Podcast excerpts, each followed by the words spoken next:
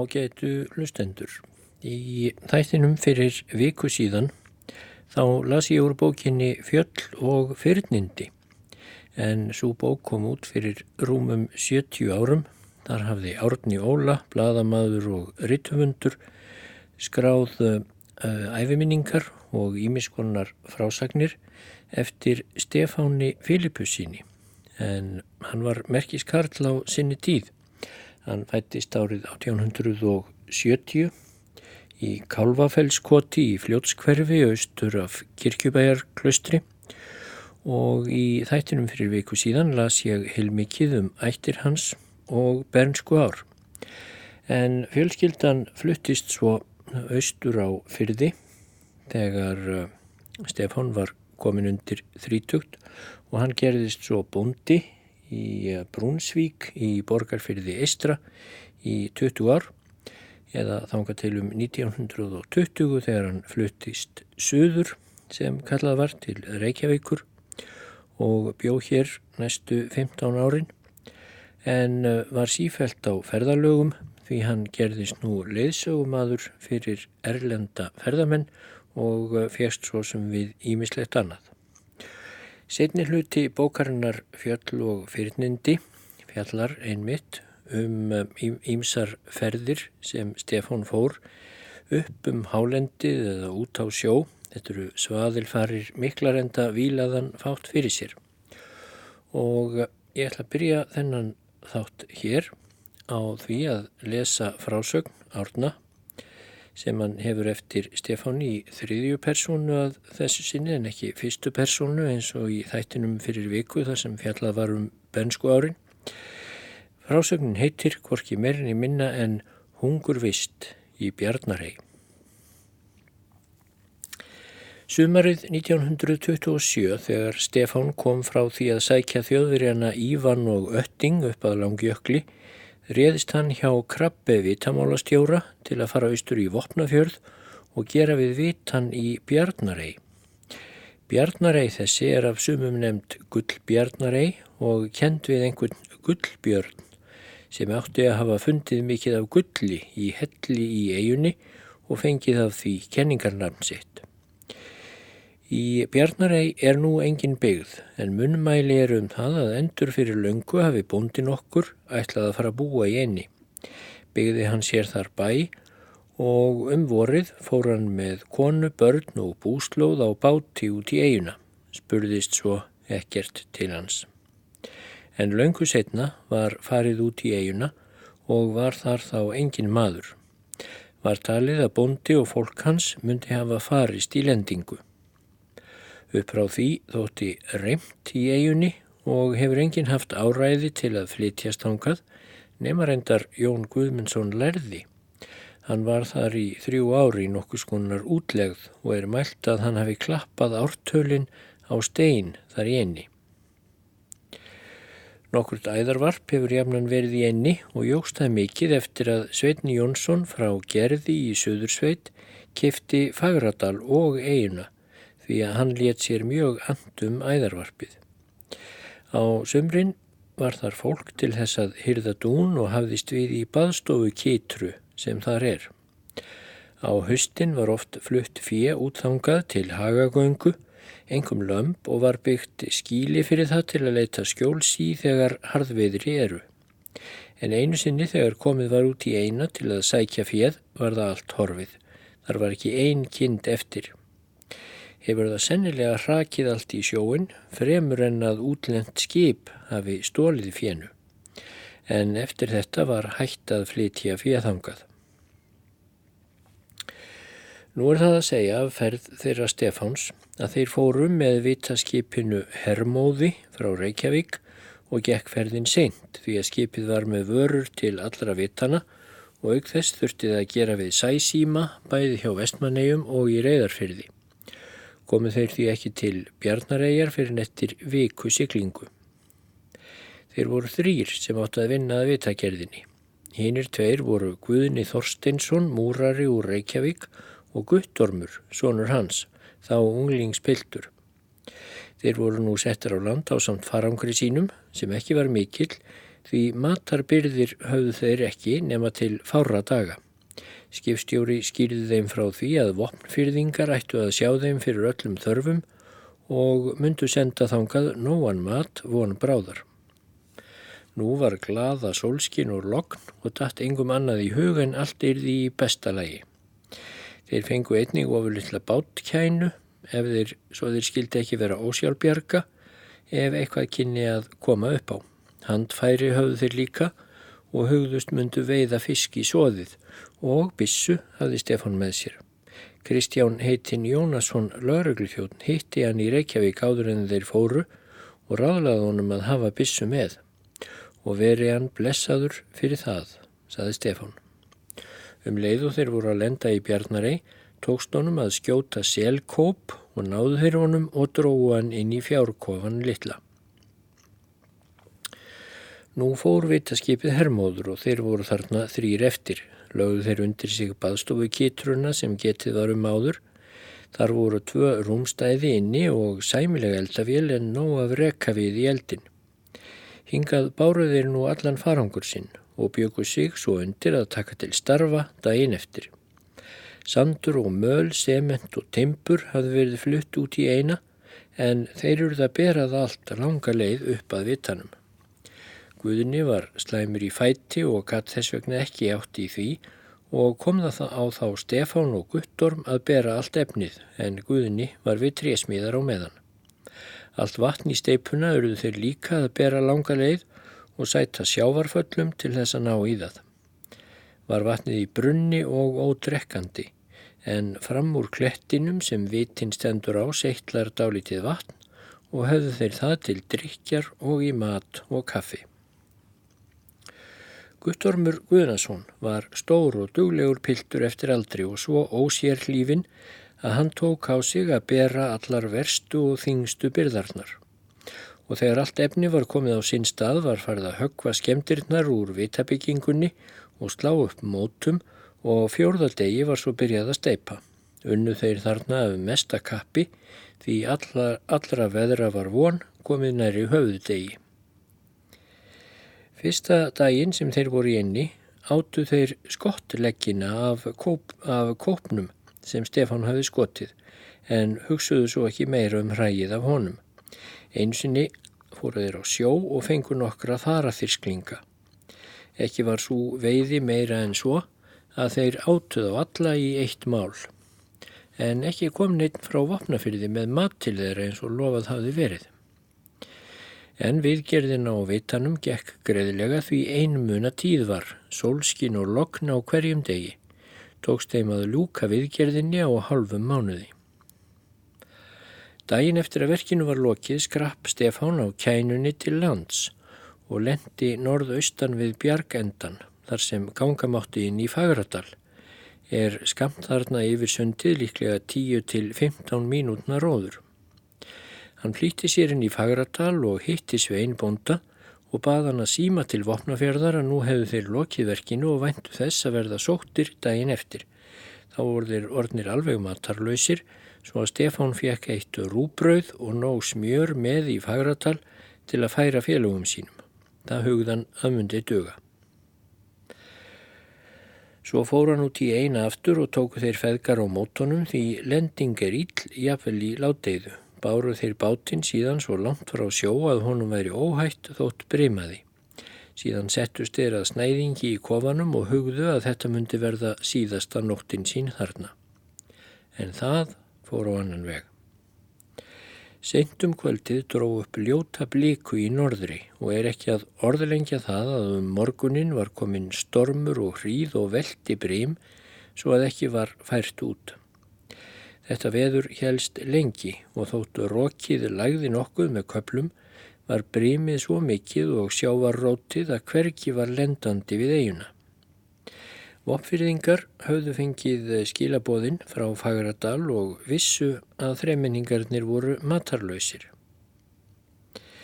Eftir nokkra daga gerðu þeir því tilraun til að komast út til þeirra en þegar báturinn kom á móts við Fagradal fekk hann svo vond, vond áföll að nærri lága hann færi í kaf.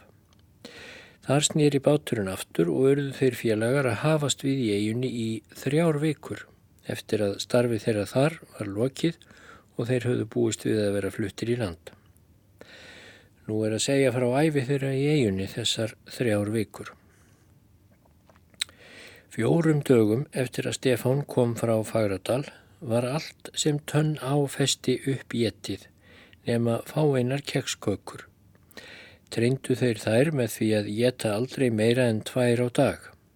Stefán átti ofurlítið eftir af kaffi og þeir feðkar svo lítið af síkri. Þetta var nú allt sparað eins og und var.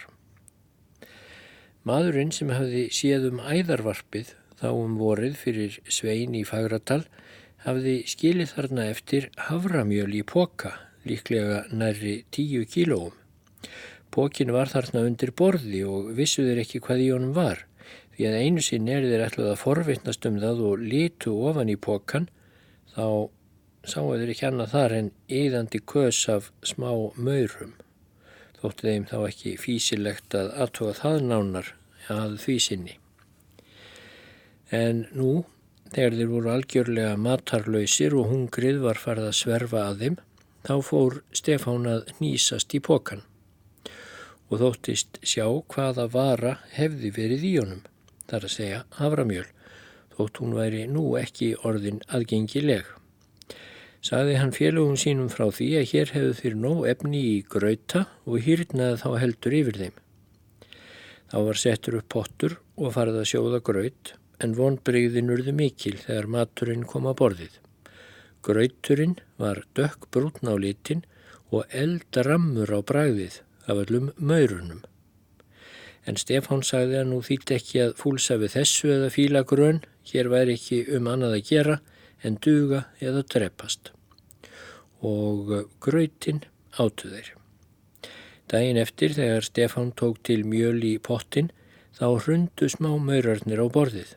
Baðan þá Guðuna að halda sundur pokanum á meðan hann só, sópaði þessu ofan í hann aftur. En þetta er ekkert annað en maur, saði Guðni. Nú það er nákvæmlega hið sama og í pókanum er, saði Stefán, okkur varð gott af grautnum í gær og nú dugir ekki vera matfandur, heldur ámaður að vera þakklátur fyrir þessa Guðskjöf. Svo sópuðu þeir öllu af borðinu niður í maurapókan. Satt var það að grauturinn var ekki góður. Stefáni dætt þá í huga líta á kópin og vita hvort ekki veri betri matur í honum. En þegar hann kom í lambakofan þá brá honum í brún því ekki sá í kópin fyrir grænni miklu og lagði mikinn ódöin af honum. Gugnaði Stefán þá alveg á því að hugsa þar til matarbyrða en afrið að leggja á stað með bissuna og vita hvort hann fengi ekki einhverja veiði.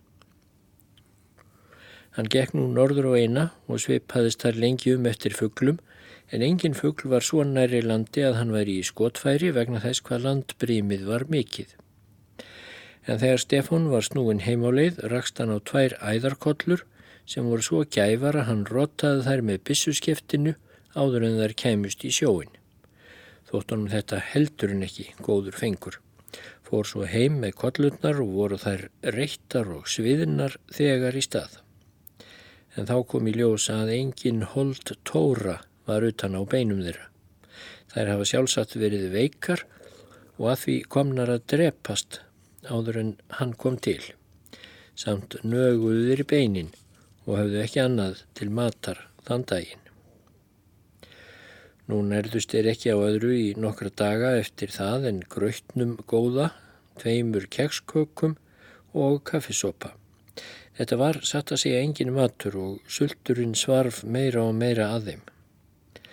Þá fór Stefán aftur að aðtuga selin og þótt hann væri ekki beinlinni skýrnilegur þá árætti Stefán nú samt að skera af honum hreyfana og hausinn en það þótt augun væru algjörlega sokkin og augntætturnar fullar af slímkendri miklu.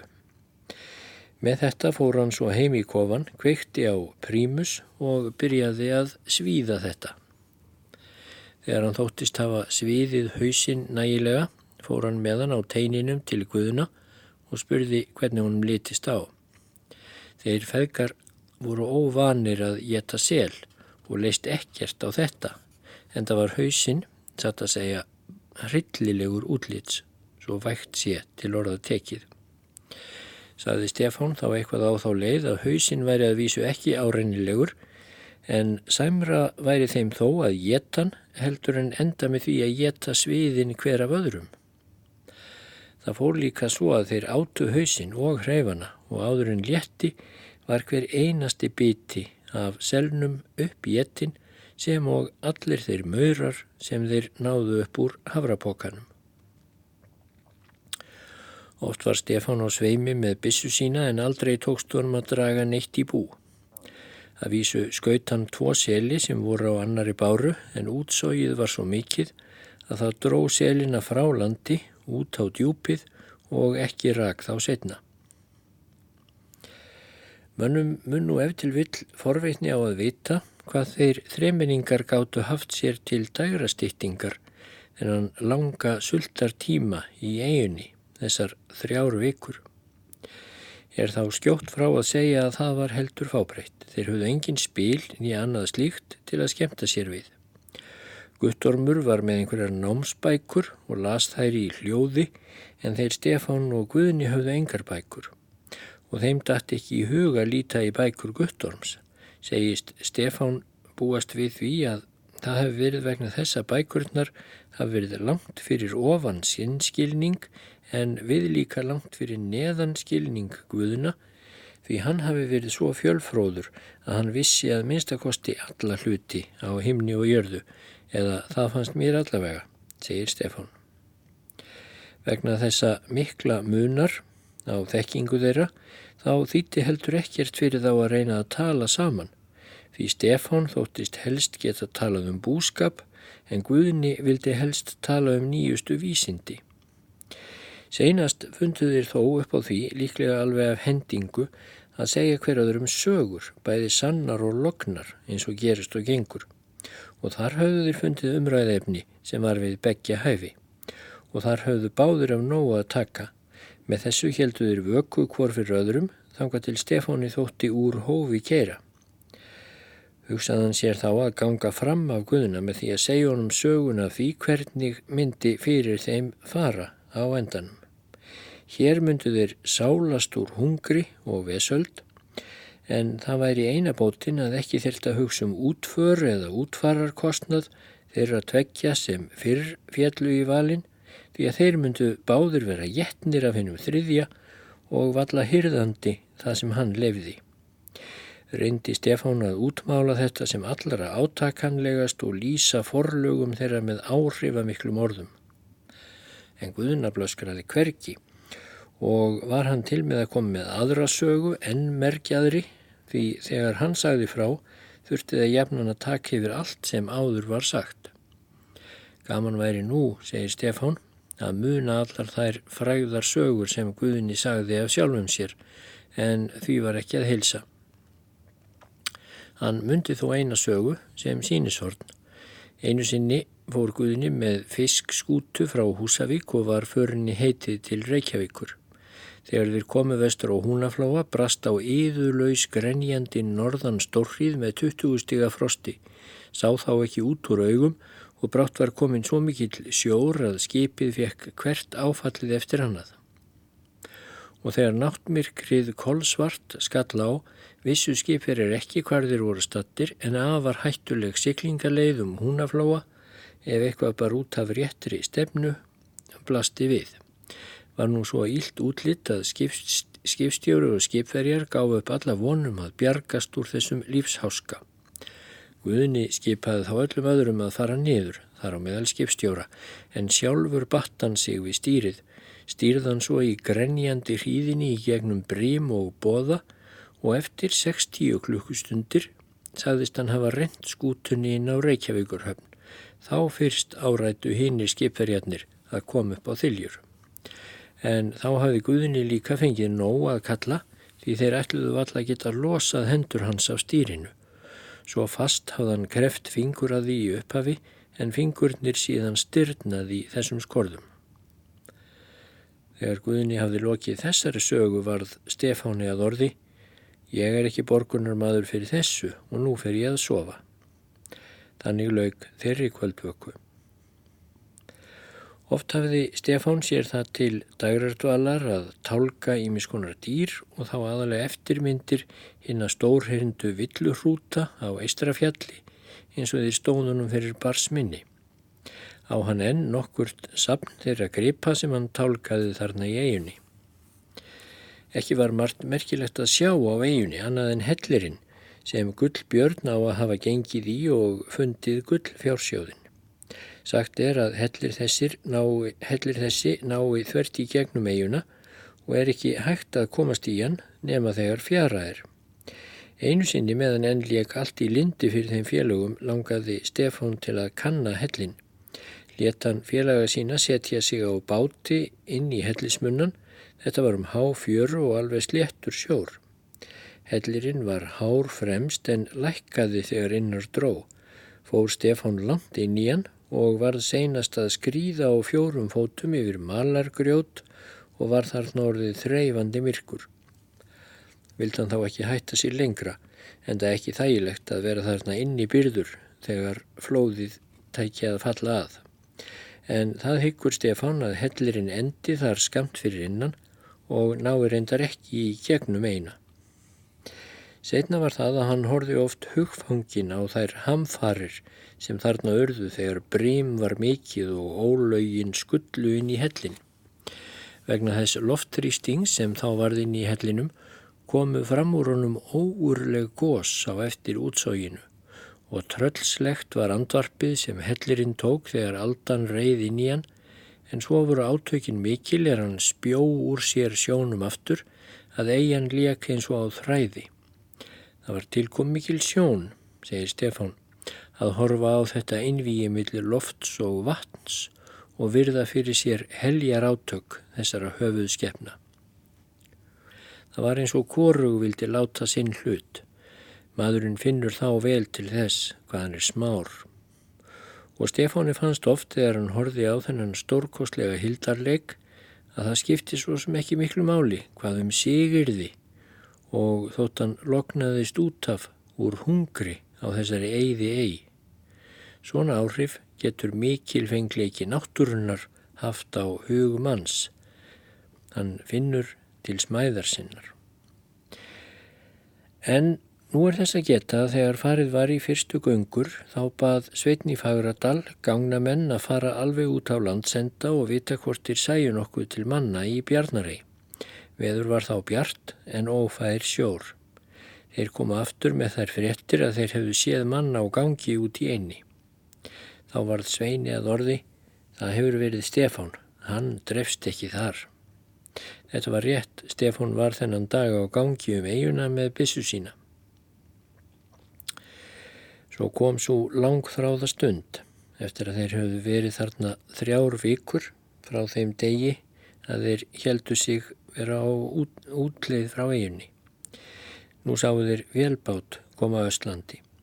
Hann lagði að eiginni að norðan og beigð eftir lægi þeir báru þá allt dót sitt út á klapparbrún en ekki svo nærri að sjórin geti tekið það.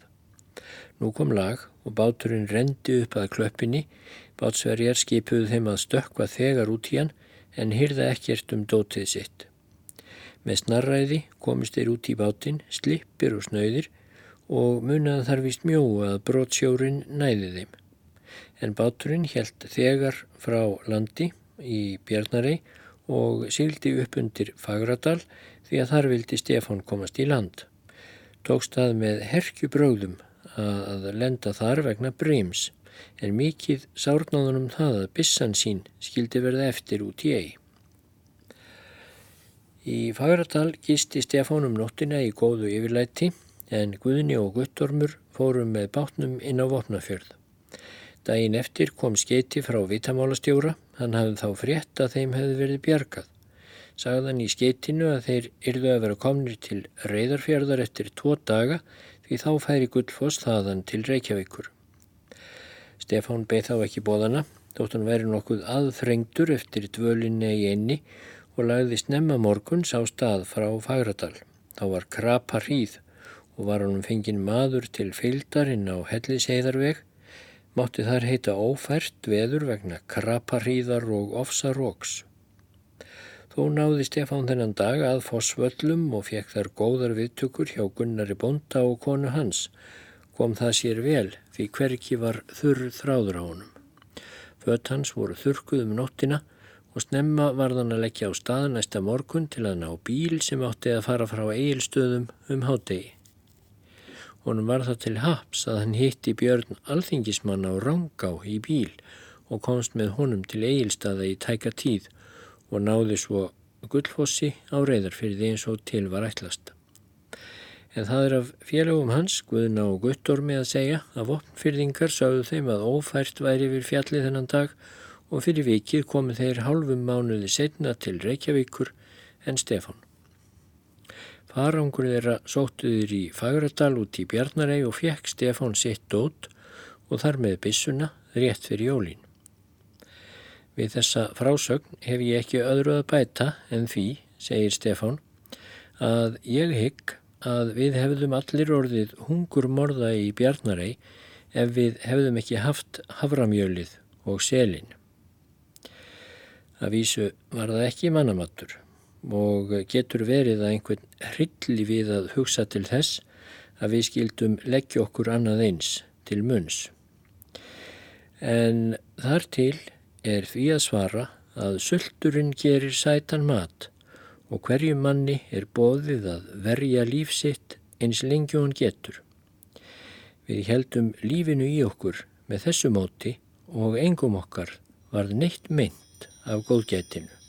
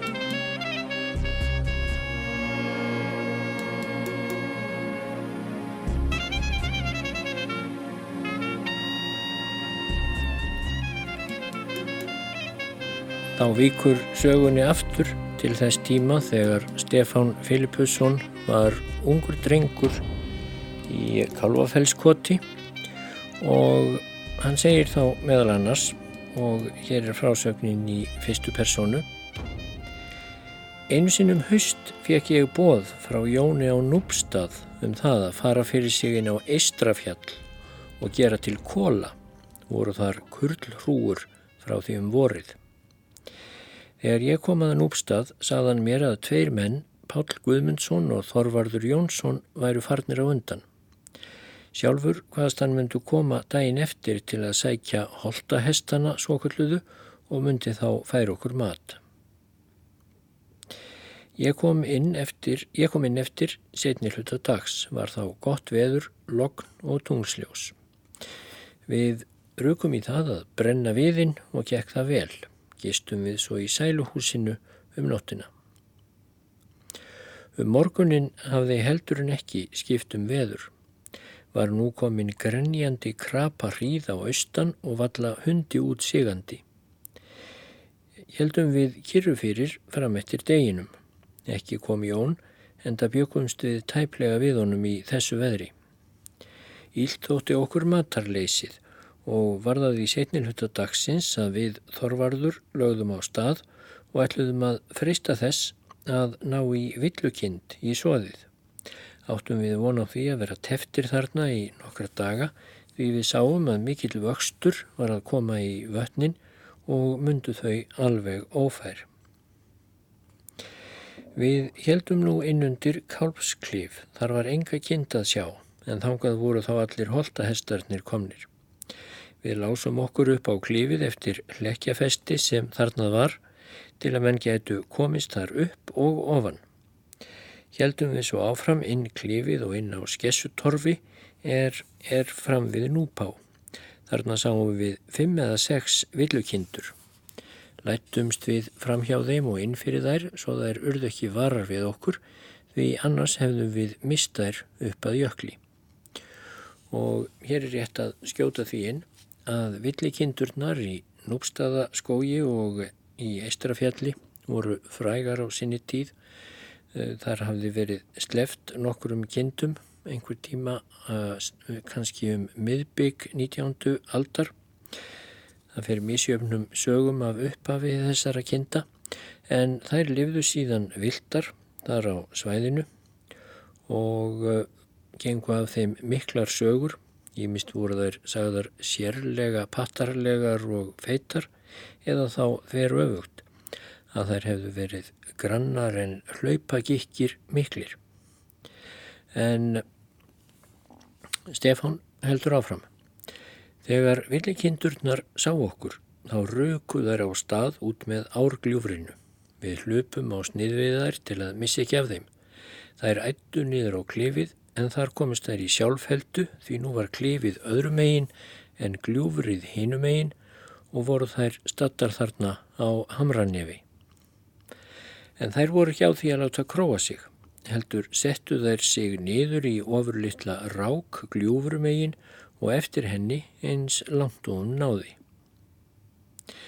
Þarna var nú sínd veiði en ekki gefin, þó gáðumst við ekki upp ráðalöysir. Báðir vorum við með reiptögl, bundinum mittið, það voru kalluð smalabönd og hef, höfðu menn þau alltaf með sér í slíkum ferðum en ef menn tóku af sér trefil og bundu honum um mittið þá var það kallað ryttaraband. Því var það einu sinni heima að vinnukonna hjá fóröldrum mínum kom inn og saði að gestur kemi utan fyttina og var spurð hvort hún hefði þekkt hann. Nei, saði hún, en það er einhver bölvaður montari með ryttaraband. Það sljákaði svo heldur í henni þegar maðurinn kom því þetta reyndist vera bróðurinnar. En jájá, við leistum á okkur smalaböndin og nýttum þau saman. Fór ég svo niður í handvað innan við kindurnar og komst ofan í rákina. Það var um þrjár mannhæðir. Rákin var svo tæp að ég varð að geta mestu varúðar að fóta mig í henni. En ég fikraði mig eftir henni eins nærri kindunum og ég þorði. Ég var ekki hrættur um að ég myndi rapa en ég var hrættur um að kindurnar myndu ráðast á mig. Þarna voru þrjár fullorðnar ær, mestu fennjur og svo trilltar og viltar að þær kvæstu á mig og stöppuðu niður fótunum og gerðu sig líklegar til að hlaupa á mig. En ég var alveg varnar laus, gaf hvert því og myndi hafa farið ítla fyrir mér ef þær hefðu gert áhlaup. Ílt þótti mér þó að hverfa aftur við svo búið. Ég var með langan göngustaf brá ég nú likju og reypisendan og setti hana á stafbrotin. Rétti ég svo stöngina fram með berginu þangað sem kindurnar voru. Vildi þá svo vel til að lamprútur var fremstur. Tókst mér að smegja likjunni yfir hornin á honum og kallaði svo til Þorvarðs að toga nú döglega í. Hann gerði það og dró hrúsa á hornunum upp á bjargbrún og batt hann þar. Svo let hann reypið síga neyður til mín aftur og dró mig upp. Nú var ekki beðið bóðana með að slátra hrúsa. Bárum við hann svo upp á klifbrúnina og flegðum honum þar framaf og svo handstyrtum við okkur nýður festina á eftir honum. Þetta hafi verið all votsamt ferðalag og var hverkið þurr þráður á okkur. En nú vorum við káttir og heldum Sigri Hrósandi heim í kofan til Páls með feng okkar, villirútin. Hann varð okkur fegin og byrjaði nú því að kveikja eld og setti svo upp blikkfötu halva af vatni við Þorvarður fláðum hrúsa og gerðum hann til. Gískunum við á að hann hefði 40 punta fall og vel mörfaður eftir því. Nú var breytjað kjött í pottin og síðan fórum við Þorvarður úr hverri flík og vöfðum um okkur loðskinnum sem nóg var af í kofanum. Pál annaðist eldamennskuna og þurkaði jafnframt nærfötu okkar við eldin. Það var hlíti í kofanum en reykur mikill, kjöttið soðnaði, föttin þornuðu og svo tókum við rækilega til matar okkar. Þá leið okkur vel. Svo vöfðum við okkur inn í skinnin aftur og sváum vært til morguns. Þegar við vorum að brytja morgunverðin í pottin kemur Jón ríðandi og segir sínar farir ekki sléttar, núps vötn og súla í hróða vexti, svo að segja al ófær. Ekki hvaða neitt viti í því að reyna að komast heim þennan dag og erðum við allir að halda kyrru fyrir þarna. Við vissum að vötnin myndu ekki vera góð því að Jón let sér ekki allt í augum vaksa og hafði oft brotist yfir þau þótt allir aðrir teldu þau ófær. Við sí ekki til þess að hann hefði gugnað við að leggja í þau fyrir enn núna. En honum þótti vendum þegar hann sá að við höfum nógan mat. Jæja greiðin, saðan, ég vissi að þið mynduð ekki degja ráðalöysir, en ég gískaði á að þið mynduð drepa merina hennar gunsu. Það var tvævetturt trippi sem Guðrún sýstir hans átti. Hann hafði vist ekki búist við að okkur myndi takast að ná í villikind en það var það ekki heiklum hend, svo stykkar og knáar sem þær kindur voru. Dægin eftir var enn sami vöxtur í vötnunum. Við vissum að fólkið heima myndi verða hrættum okkur. Þess vegna buðumst við þorvarður til að sundleggja yfir núpá ef Jón vildi ljá okkur sporðgamla. Það var einhver sá stæsti hestur sem ég hef séð og tröstur að því skapi. Jón var dregur til því hann held að við myndum drep okkur en á hinbógin vildi hann gætnan koma bóðum heim það var því úr að við tókum sporð og tvímendum. Treystum við honum betur til að bera okkur báða en nokkur um öðrum hesti að bera annan okkur. Annars vorum við þrýra honum því að kutti var með. Svo var sporður breyður á bakið að við gátum ekki kreft fætur undir hvið og örðum því að rík halda okkur í faksið. Nú var lagt í ána, sporður óð sterklega og aldrei greip hann sund en vatnið braut á herðatopp á honum. Þar hefur verið hróka sund fyrir hvern meðal hest. Við fórum svo skemstuleið heim, beint upp, fyr, beint upp skóarbrýr, út loftsárbotna fram hjá loftsár hnúk og yfir loftsá í Kvirvildal, síðan eftir dalnum millir Lómagnúps og Kvirvildals axlar, ofan efri og neðri þverhamar og vorum þá komnir á slétta völluna hjá Núpstað. Fannst okkur þetta hafa verið einhver skemmtilegasta ferð sem við höfðum farið og dró síst úr að við höfðum gerst svo frægir að ná villikind.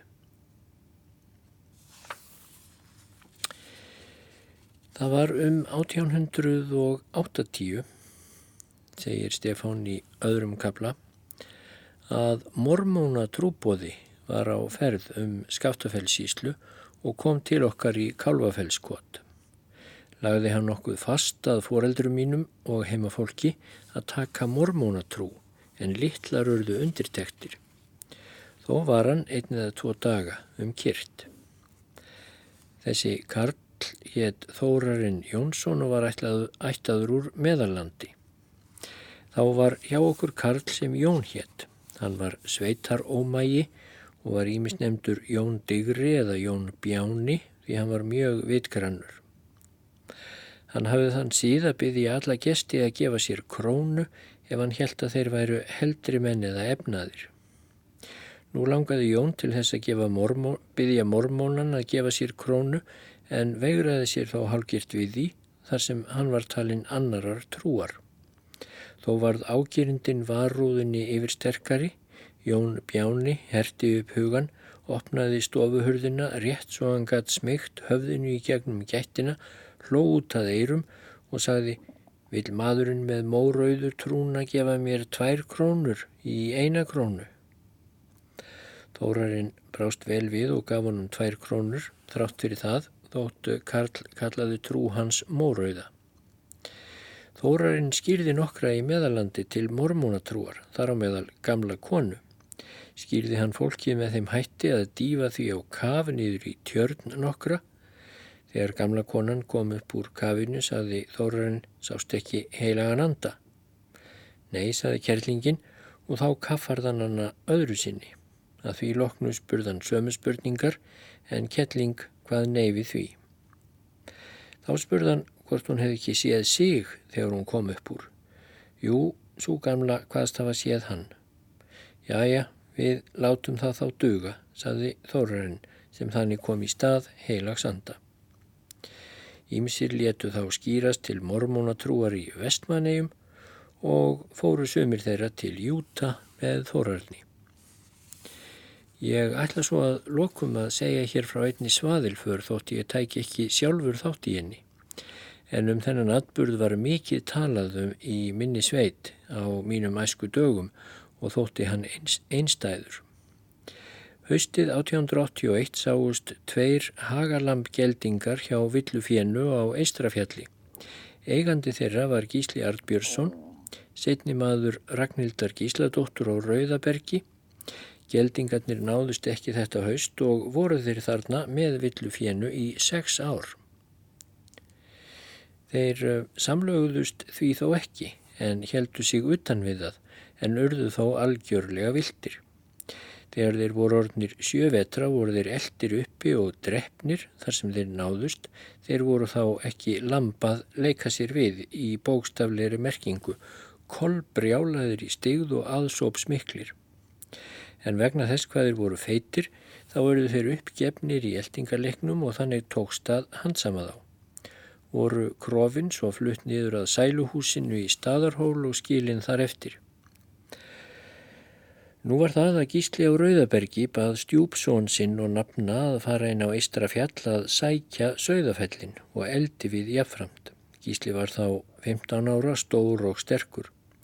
Var honum fenginn til fylgdar gamal maður sem Jón hétt og var kendur við hæðargarð í landbróti. Hann var veiklaður á geðsmunum. Lögðu þeir svo á stað með fjóra hesta undir reyðing og einn söðul hest því þeir ætluðu sér að ganga til skiptis segir svo ekki að ferðum þeirra fyrir þeir koma inn á Eistrafjall. Þannig höfðu Rauðabergsmenn högg við skó um vorið og var þar kost, köstur af honum. Þeir félagar bundu nú hrísbakka og þrjá hesta en höfðu söðarkrofin á fjórðahestinum.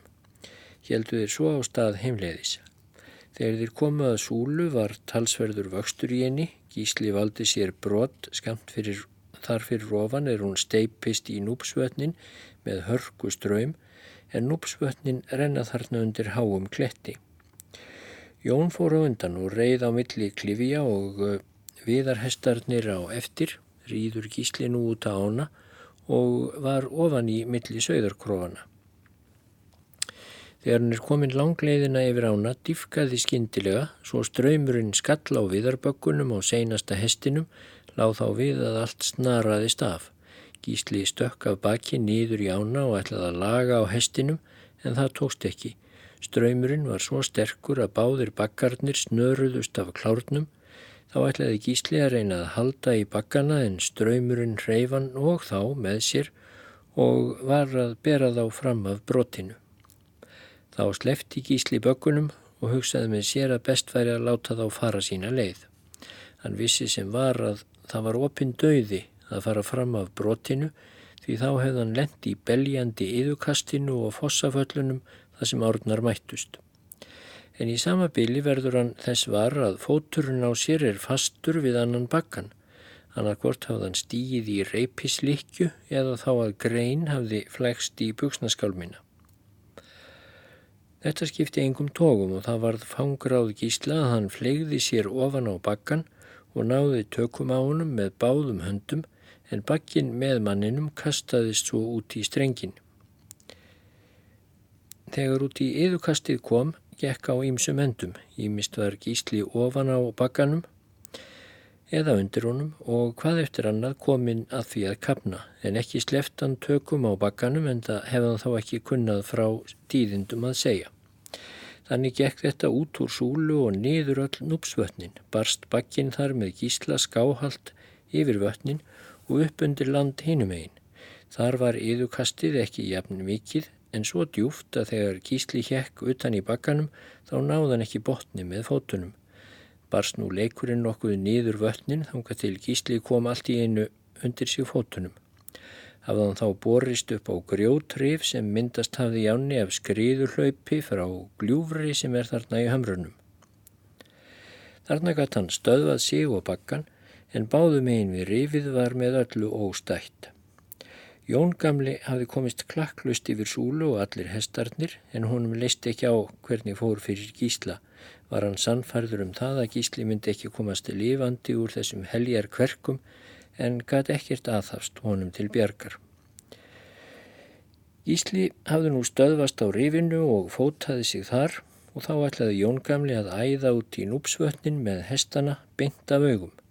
En það hefði verið óðsmanns æði. Gísli kallaði þá til hans og tókst að stöðvan, skipaði Gísli honum að spretta af einum reyðingshestinum og reka svo hestin í ána svo ofarlega að örugt væraðan geti komist til sín þótt hann hrekti langt á söndinu.